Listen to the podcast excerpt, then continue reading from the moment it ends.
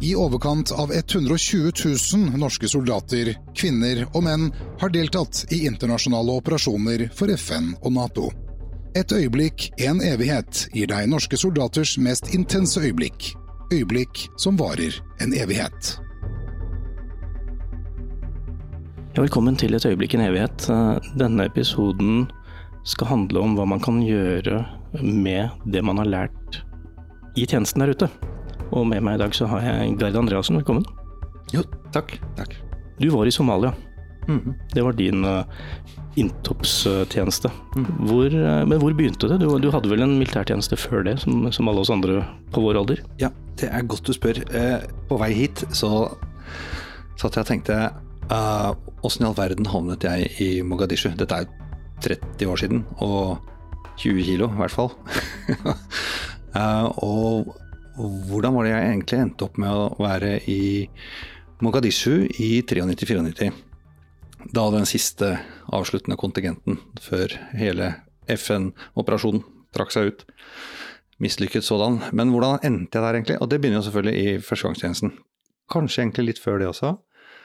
Uh, ingen uh, spesiell tilknytning til militæret. Ingen i familien hadde vært i militæret, så jeg hadde ikke noen forutsetninger for å vite veldig mye om verken mulighetene eller hva det kunne by på.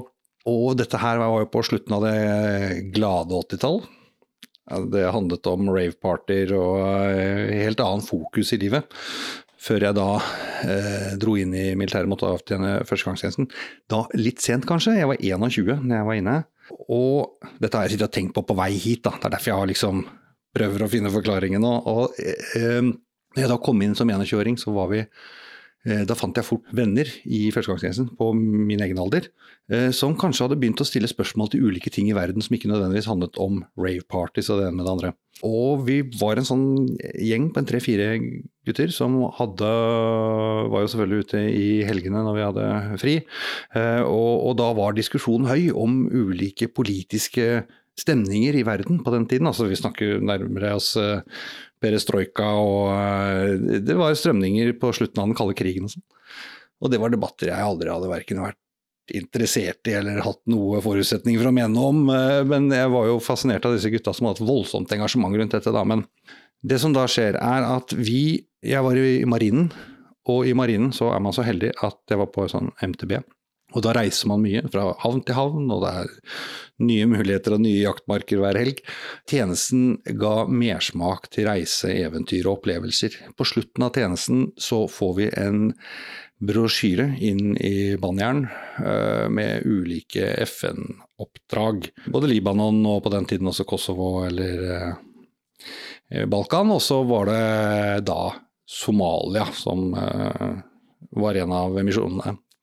Vi fikk vel vite at man skulle ikke være Hvis man skulle dra til FN-tjeneste, så må man ikke være drevet av eventyrlyst. Altså det måtte være en, en, en nobel uh, årsak til at du reiste ut, det var i fredens tjeneste. Så da måtte man jo begynne å tenke i de baner, men helt ærlig så var det vel eventyret som fristet.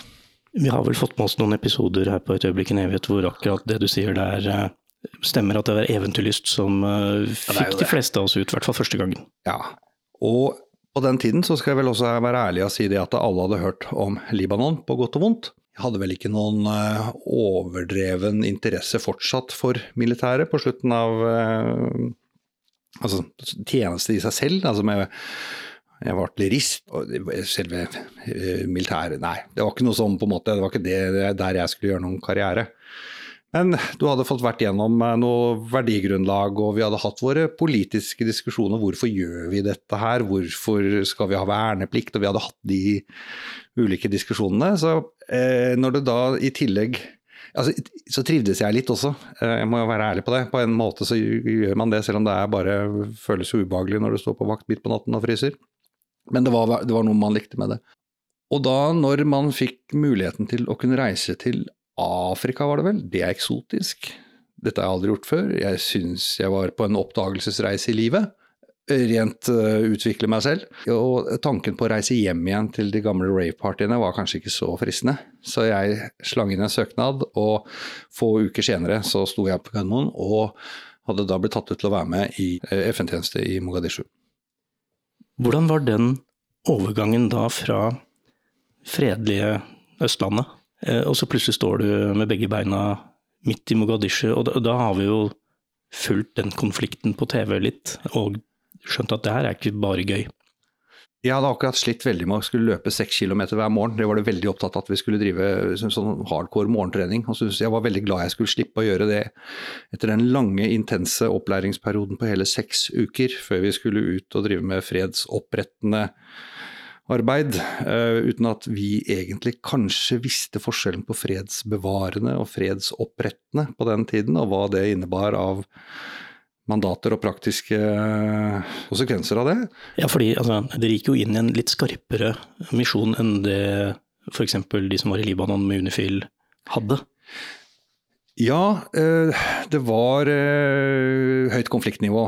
Og i Mogadishu så var det sånn at det var Siad Barre, nei, Siad Barre var styrtet, den tidligere presidenten. Og så var det ulike grupperinger av Eh, altså ulike fraksjoner, med en, en eh, sterkeste fraksjonen under general Farah, Mohammed Farah Edid, som eh, hadde et slags styre og stell, en veldig anarkistisk form for styreform i Mogadishu, som var herjet. De angrep da hjelp hjelpe, hjelpekonvoier til flyktningleirer bl.a. Og, og det var ganske brutalt. Så eh, mandatet til, først til eh, FN var jo å gå inn og beskytte disse FN-konvoiene. Og hjelpeorganisasjoner for, til hjelpearbeid for flyktninger.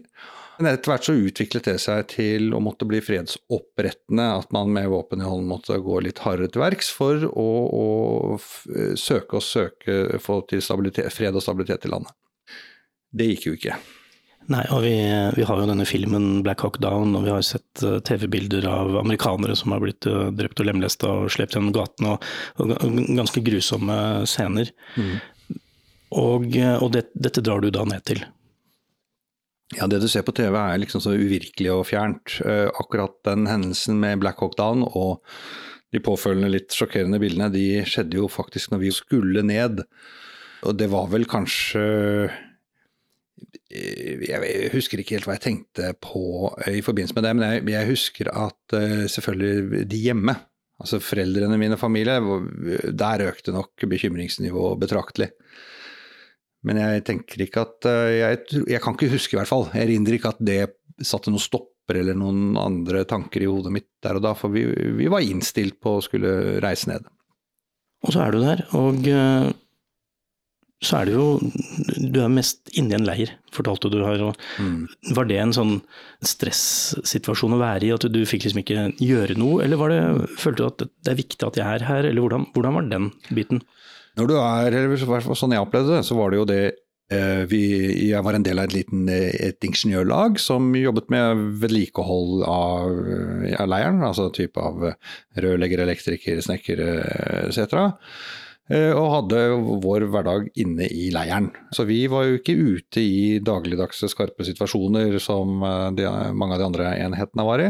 Og hadde for så vidt uh, helt greie dager, vil jeg si, inne på det ambassadeområdet som vi hadde leiren vår. Da. Innimellom så ble vi også med ut på tur for å få litt sånn luft under vingene og komme ut og være med på ulike ting. da. Men det var ikke det som var primæroppdraget. I den grad vi opplevde u, u, altså Det er jo sånn når du kommer hjem til Norge, så vil jo alle vite hvor mange har du drept, og hvor mye action har du vært med og sånn. sånn. Det er helt fjernt fra den opplevelsen kanskje vi som har vært der, har, da. Så alle vil gjerne ha en sånn spiss historie. Jeg har sikkert uh, ulike opplevelser av det uh, på skarpe oppdrag, men jeg prøver å forklare at det som kanskje var noe stressende, er den der uvissheten at det, fordi somaliske milits kjørte rundt leiren og skøyt ulik både bombegranater, holdt jeg på å si, altså prosjektiler fra lettere våpen og RPG-er og sånn som landet inn i, leiren. Og det var flere av de historiene som hadde skjedd før vi kom ned, da, hvor det hadde gått uh, folk alvorlig skadet. Og. Uh, så den trusselen uh, kjenner du på. Så kjenner du på det at det hele tiden er alltid helikoptre i lufta over leiren. Og det som passer på, det er fint det, men det, det, du kjenner jo den, det støyet der. Og så er det jo Du hører jo knatring i byen, og du går noe De sprenger noe bombelager og alt sånt, og så er en tension, vil jeg si. Så du går litt med litt høye skuldre 24 timer i døgnet. Så det var, var, nok på en måte en belastning over tid, tenker jeg. Uten at det på en måte har uh, satt tror jeg, nevneverdige spor etterpå. Men det, det, var nok mer stress enn ulike situasjoner man var ute i. Men var det noen, var det noen incidenter sånn som, uh, som, du opplevde som Oi, nå er jeg i en skarp situasjon her? Ja, men ikke på lik linje med mange andre eh, incidenter. Det var én runde vi var Vi kjørte det var en eskorterunde ned skulle hente noen forsyninger eh, fra havnelageret opp i, i leiren vår oppe, som ligger midt inne i sentrum. Det blir liksom, Jeg prøver å eh, forklare andre, så er det Det blir som å kjøre fra Blindern og ned til kaia i Oslo. Og nede på kaia er flyplassen, og der henter du alle forsyningene. Og så kjører du opp igjen på Blindern. Omtrent like stor avstand, og så er, er, hele universitetsområdet, eller eh, der hvor vi var, det var liksom bak murer. Et, et avgjerda område, da. Så vi kjørte ned og hentet forsyninger. Og så er det sånn at Når det blir store ansamlinger av mennesker, sånn at eskortelaget får utfordringer med å komme seg gjennom, så må man Du kan ikke bare kjøre på folk heller, eh, uten at det på en måte er eh, åpenbar god grunn til det. Da var det én anledning hvor jeg var, satt jeg som sikring, sikrer foran i en lastebil. Måtte gå ut uh, for å spre folkemengden. Og det er jo et bilde man tenker på senere. Det å løfte geværet med da skudd i kammeret og, og sikte på folk, det, det, det, gjør at du begynner å reflektere litt etterpå. Det må jeg innrømme. Ja, fordi da er du ganske nær å havne i en veldig skarp situasjon. Ja, for du har jo eskaleringsringen hvor du på en måte kan uh, heve røst, heve geværet og hele eskaleringsprosessen. Men, men, til syvende og sist så måtte vi løfte geværene og, og begynne å sikte. Og det, det, kjente jeg vel litt på, på en runde der.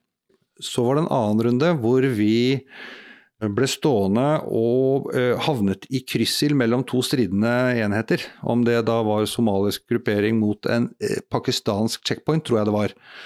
Så vi måtte ut og ta, gå i dekning og gjøre en tilbaketrekning. og da øker jo pulsnivået drastisk når du hører det knatre ved siden av deg. Og det, du går automatisk inn i den opplæringsmodusen du, du har det du har blitt lært opp til, da, og din posisjon, ditt sikringsområde. Og, og, vi trakk oss tilbake etter protokoll, da.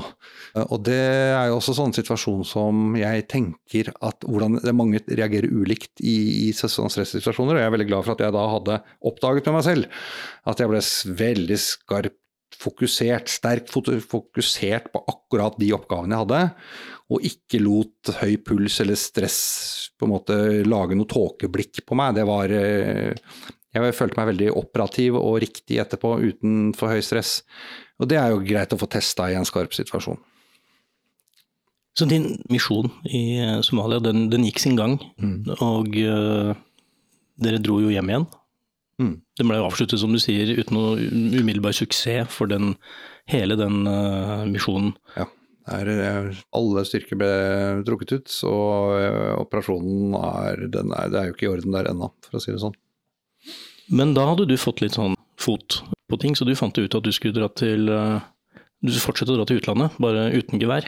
Ja, jeg la geværet på hylla. Jeg gjorde det. Jeg hadde riktignok noen runder i Heimevernet etterpå, og fikk med meg den lille delen av Heimevernet som kanskje ikke var den vi alle ser med stolthet tilbake på, med mer fyllefanteri og tøvete rappøvelser enn hva det har blitt eh, i senere tid. Da. Så jeg var med på det en del eh, år. Men bortsett fra Heimevernet, så, så var det ikke noe mer militære operasjoner. Men du ville liksom ikke slippe taket i, eh, i, eventyret? Nei, jeg hadde jo uh, hatt en slags oppvåkning, uh, Tom. Det var jo det at uh, jeg først hadde fått med alle disse debattene om alt fra kald krig til sosialisme, kommunisme og kapitalisme og alle de si, store kreftene vi alle er utsatt for hver dag i samfunnet. Og jeg hadde fått være med å se en krig i, i praksis. Og klart, det, den, den, perioden der vil jeg si det var oppvåkningen min. Det, da skjønte jeg at det er noe annet enn rave parties i, i Oslo i helgene og ha med seg en sixpack på fest, liksom. Da handlet det da, De fikk nok en litt annen vending da, og jeg begynte å få et helt annet interesseområde. Og begynte deretter å jobbe meg inn mot fortelling og, og dokumentar, dokumentarfortellinger. Ja, for vi kan jo si nå at du, du jobber jo med å lage dokumentarfilmer. Det er jo blitt ditt yrke her i verden. Ja. Og hvor gikk ferden? Den første hva skal vi si, dokumentarfilmen som på en måte var relevant i forhold til dette, det var til Jalalabad i Afghanistan i 2003 har vi kommet oss helt fram til da. Ja, og Da vet jo de som, som, husker så lenge at da var det ikke fredelig i Afghanistan lenger? Nei, det, der hadde USA rykket inn for å få tak i mannen bak 11.9. og hadde iverksatt en stor operasjon der som, som jeg forvillet meg bort i. ja, for du hang deg på, du. Der som ingen av de norske styrkene var. Så du, du virra rundt aleine i Afghanistan.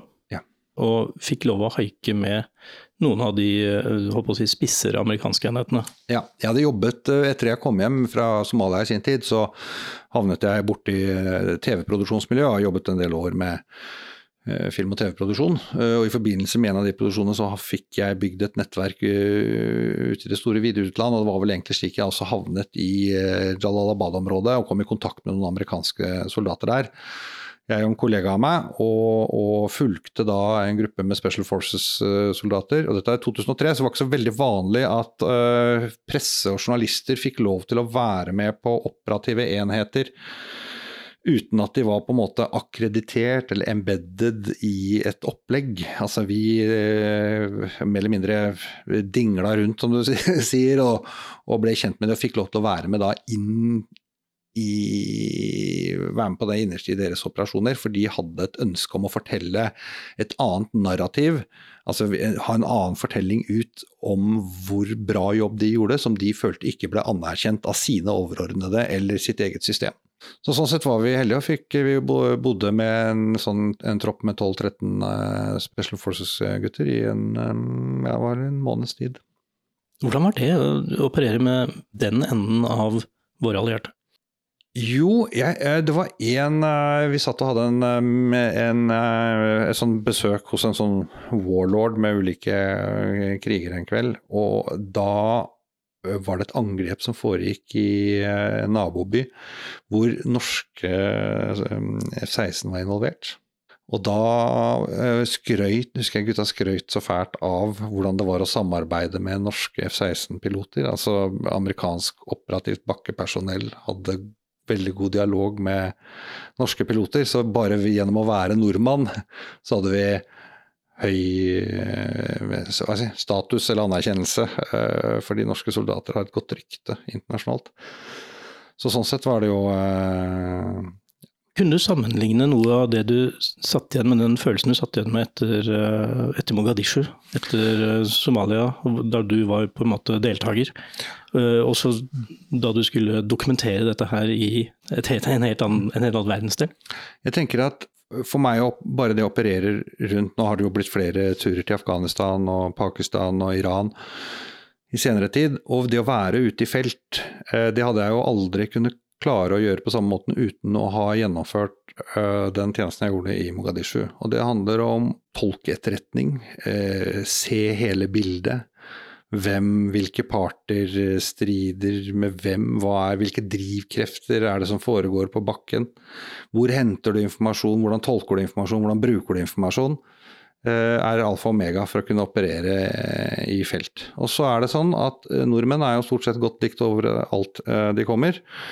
Og så har jeg nok bevisst etter hvert også spilt veldig på en, kall det norsk naivisme at jeg er ganske ufarlig, for jeg er jo bare nordmann. Ikke, en amerikaner er jo mye farligere, eller i hvert fall da, enn eh, nordmenn. Og kom meg ganske langt inn i ulike eh, steder som ikke alle er forunt å komme til, da, fordi vi er på en måte ufarlige og kan stille teite spørsmål for vi er nordmenn. Og derav så fikk jeg laget flere filmer som, som har blitt uh, godt mottatt etterpå. Var det noen ganger når du var der ute hvor du følte at nå har jeg ikke kontroll, nå er jeg redd? dette, dette, går litt over, over, det jeg hadde tenkt. Jeg er usikker. Eh, nei, jeg, kan, jeg, kommer ikke på noe. Jeg tenker, eh, Hvis ikke du Jeg har fortalt deg tidligere, kanskje, eh, men umiddelbart så tenker jeg at eh, ofte er jeg veldig rasjonell i felt. for hva Du planlegger, og du vet hva, hvor du skal når. Og Den rasjonaliteten gjør at man blir sånn pragmatisk. Du reiser der gjennom noen ganske tunge konfliktområder i verden, både i Afghanistan og i Pakistan, som du sier, eh, og andre steder. Og du kan jo ikke bare ha gått rundt der i tøfler og, og kost deg. Det må jo ha vært eh, inntrykk, og du må, du må jo ha følt litt på konfliktnivå der du er. Ja, det, når du sier det, en gang jeg husker jeg hadde litt høyere puls enn jeg Da tenkte jeg hadde vært litt for naiv. Og det var i, faktisk i Iran, eh, hvor jeg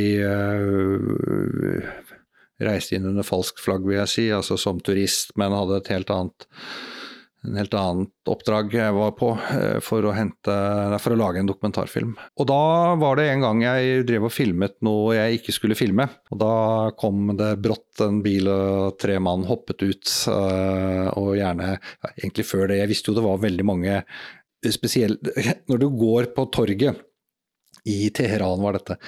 Et stort, uh, fantastisk torg der. Altså, alle ser på meg, to meter høy, uh, skjeggete med, uh, nordmann med rødt skjegg. Det er jo, skiller meg veldig ut, og får derav mye oppmerksomhet. Og men du ser det er veldig mange som, eller ikke veldig mange, men noen innimellom eh, som er litt velkledde med sånne dårlige pilotbriller og tredagers skjegg som ser ut som klippet ut av en dårlig James Bond-film. Står på sånne gatehjørner og later som ingenting. det er så dårlig. men følger, du, du, spotter fort hvem som er, følger med på deg og ikke. Men eh, en gang så klarte jeg da ikke å få med meg akkurat hvem som fulgte med på meg.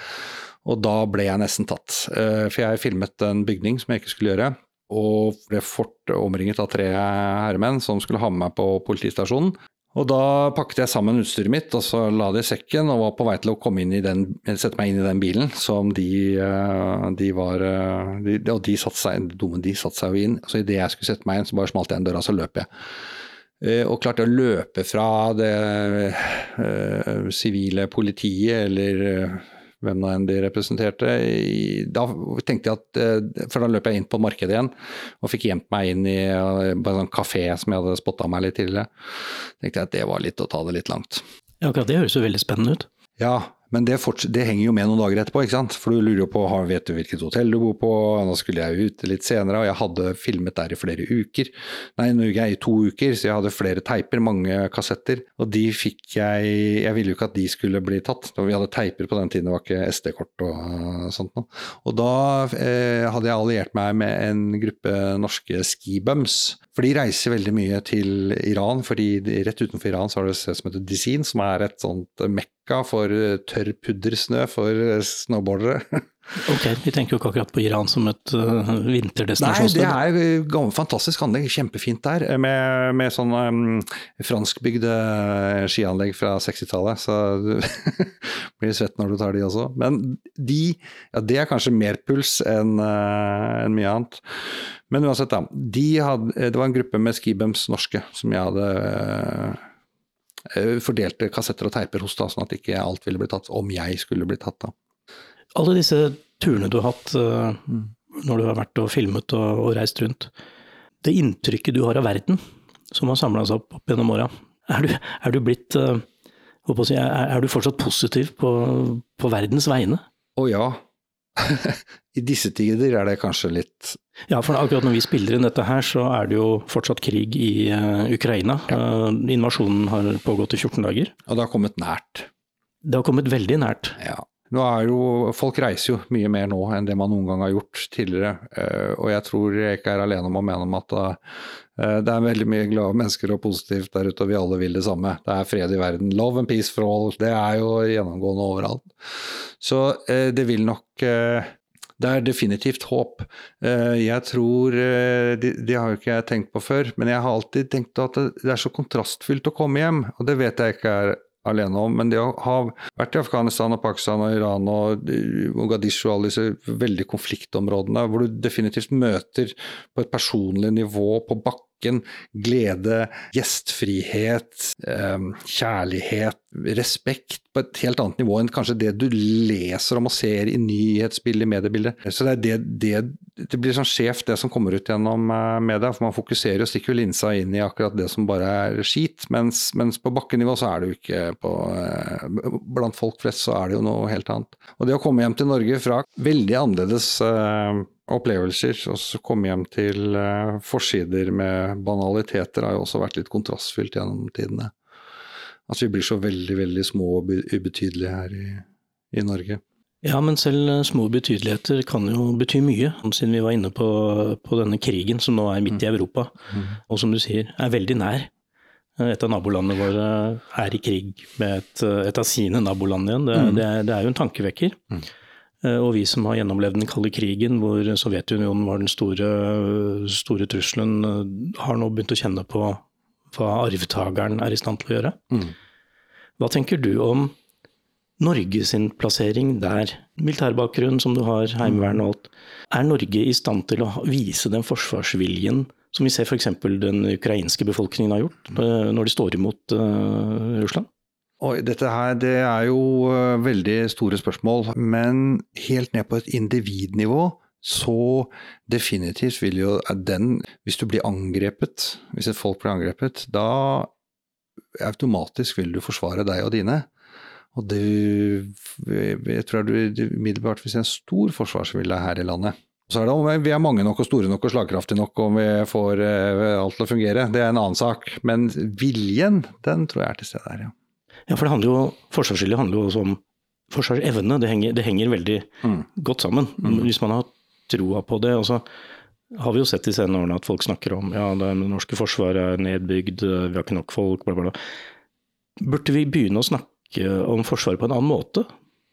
Vi som tross alt har vært og levd uh, i det i andre konfliktområder, burde vi begynne å si at ja, det er mulig vi ikke er så mange, men det vi har er, er jo bra. Jeg tror man kanskje må vippe over et punkt i forhold til å kjenne på at trusselnivået blir såpass reelt at man virkelig må ta stilling til det. Det sitter kanskje lenger inne hos mange, men når ballen begynner å rulle, og alle de spørsmålene begynner å dukke opp i forhold til behov og, ressurser, eh, som definitivt vil komme til å bli en stor debatt, da vil nok det bli Da begynner mange å lure på hvor er det vi trodde var. Jeg vet ikke hvor mye vi har av eh, systemer, og vi burde ha mye kunnskap eh, etter alle disse årene i internasjonale operasjoner. Men det synes ikke så godt sånn jeg ser det nå.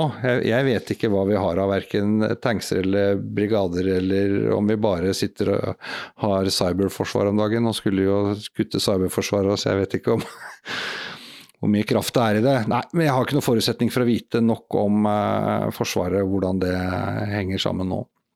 Og evnen, ikke, altså hvor stor forsvarsevne har vi. Man tenker jo at man er så liten, så hvis man, det skulle skje noe uh, så man, uh, man vil jo ikke tro at man blir invadert, men man, det trodde sikkert ikke Ukraina heller. Du ser tilbake på 30 år siden ca., cirka, siden mm. du var i Mogadishu. Ja. Og du sier jo, som vi andre ser også, det, det har ikke blitt noe spesielt mye mer fred og fremgang for befolkningen der nede. Nei. Uansett hvor mye innsats eh, FN og verden har, har forsøkt. Eh, disse konfliktområdene, også andre du har vært i, er, nytter det å reise ut sånn som, eh, sånn som vi gjør i, i FN-sammenheng f.eks.? Det viser vel det meste av både bistandsarbeid og uh, ulike operasjoner med våpen i hånd, at det er fortsatt ganske mye å lære der for å kunne klare å få til noen varige endringer. Se, bare Afghanistan og det er andre operasjoner som kanskje har gått bedre så i måte, på Balkan og eh, Mens, mens eh, en del områder har man nok en lang vei og en lang lærekurv ennå for å kunne klare å ha suksess. Du får ikke noe fred i verden med våpen i hånden i utgangspunktet. Det er en bredere pensel som må til. Vil du reist ut igjen? Å, det er et godt spørsmål. Jeg skulle likt å si nei, men jeg ville ikke vært foruten den erfaringen. For den har åpnet en rekke dører for meg, ikke bare gjennom å ha gjennomført det, at du oppnår en både respekt og anerkjennelse for å ha vært i internasjonale operasjoner, Men den livserfaringen, det, det, er jo helt umulig å få på annet vis. Det kan du ikke lese deg til. Det er en, det, det å operere i felt og den, den, street smartnessen, om du kan kalle det det du opparbeider deg, det er kunnskap du Eller i hvert fall for mitt vedkommende har vært gull verdt. Og for både meg som menneske, og det jeg har jobbet med senere. Det har vært en del av veterandebatten opp igjennom om uh, veteranenes status. Om du kjenner på deg selv som en Intops-veteran, om det kommer Eh, fram i hodet ditt eh, innimellom. Men det annet spørsmålet er jo er vi veteraner en ressurs for samfunnet? Ja, og jeg syns jo det kanskje har vært litt Jeg skjønner i aller høyeste grad det fokuset som må ha vært gjennom årene for å få mer fokus på veteransaken, og slik den har vært utformet. Og hjelpe de som kommer hjem. Jeg husker jo selv det der mangelfulle apparatet, som, eller ikke-eksisterende apparatet fra 94, 95, 93, 94. Det vet jeg har blitt mye bedre, og det skyldes jo den kampen som eh, veteranene har ført for å på en måte bli hørt. Samtidig så har jo da alt, kall det negative fokuset, fått fryktelig mye oppmerksomhet. Men det er ganske mye positivt også, i hvert fall på individnivå, og eh, sikkert også operasjonelt eh, nivå, som ikke eller det, ikke, det, kommer ikke frem i lyset, det blir ikke fortalt på samme måte. Og der tenker jeg eh, eh, man kan ha litt mer fokus. Fordi eh, jeg tror det er ganske mange som har hatt eh, veldig godt nytte av og bra opplevelser med internasjonale operasjoner. Det slo meg, Gard. Du lever jo av å formidle historier. Dokumentere det som skjer, og formidle det videre mer eller mindre slik du oppfatter at det er. Ja, Den evige tilstreben etter objektivitet. ja, og, og, så vet vi jo nå, for nå, akkurat når du og jeg snakker sammen nå, så er vi jo midt oppi ikke bare en grusom bakkekrig, mm. men en mediekrig mm. eh, omtrent uten sidestykke. Mm. På alle mulige flater og kanaler så er det nå en kamp mellom den objektive sannheten og den frie pressen, og et narrativ laget av en mer eller mindre sensurert, kall det en presseplattform eh, fra Russland. Og så tenker jeg, du som lager dokumentarer og egentlig er en slags part i dette her, hvordan oppfatter du den kampen? Jeg syns det, det, er ganske viktig å navigere seg i, i konfliktområder. Eh, og det gjelder spesielt informasjon. Altså hvor henter du informasjon, og hvordan agerer du på den informasjonen du får inn. Hvis du er ute i felt, om det er i Jalalabad eller om det er i Mogadishu, så er du avhengig av informasjonsstrømmer. Og så må du tolke hvor de kommer fra, og hvilke hensikter og bakgrunn og agenda har de ulike kildene du bruker, som du skal agere på. Skal du gå til høyre, eller skal du gå til venstre? Skal du kjøre bil, eller skal du ta trikken? Altså hvordan du kommer deg frem og eh, utført oppdraget ditt. Og den informasjons... Altså kampen om narrativet, altså kampen om fortellingen, er så mektig og så stor på begge sider i denne konflikten at jeg har selv hatt glede av nå, etter å lese om hvordan det russiske narrativet er, russ, hvordan blir russerne fortalt hva som, om hva som foregår i Ukraina fra Moskva, fra Kreml? Hvordan er det det statsstyrte mediene kommuniserer sitt sin forklaring, sitt narrativ for uh, de, hva som foregår på bakken. Og ikke minst andre veien også, hvordan eh, vi i Vesten eh, har en annen fortelling. Og hvem er det som forteller den? Og dette står jo veldig mot hverandre. Jeg sier ikke at sannheten er midt imellom, for det er jeg jo sikker på om den er. Det, det kan, vi kan vel slå fast at det er ikke noe sånn hyggelig middelpunkt her. Nei, så, så, så, men jeg synes, Jeg liker å eh, lese det som er mulig å få tak i av russiske medier og lese det med egne øyne, og lese fortellingene og narrativet deres på nettsidene der, eh, versus hvordan du får det gjenfortalt gjennom store norske medier igjen. Fordi de store norske mediene har jo også en eh, De har jo ikke nødvendigvis bare clickbates, men de har et, en spissing av alt. Men når du leser det fra eh, Kreml selv, så, så, ser du en annen fortelling, som faktisk gjør også at du kan ha en du ser jo hvor massivt det er. altså hvor, hvor eh, altså Du kan forstå hvordan de klarer å manipulere så store masser til å følge sin egen, sin egen historie. Hvis jeg bare hadde hatt Russia Today, så hadde jeg jo selvfølgelig eh, trodd på det som står der.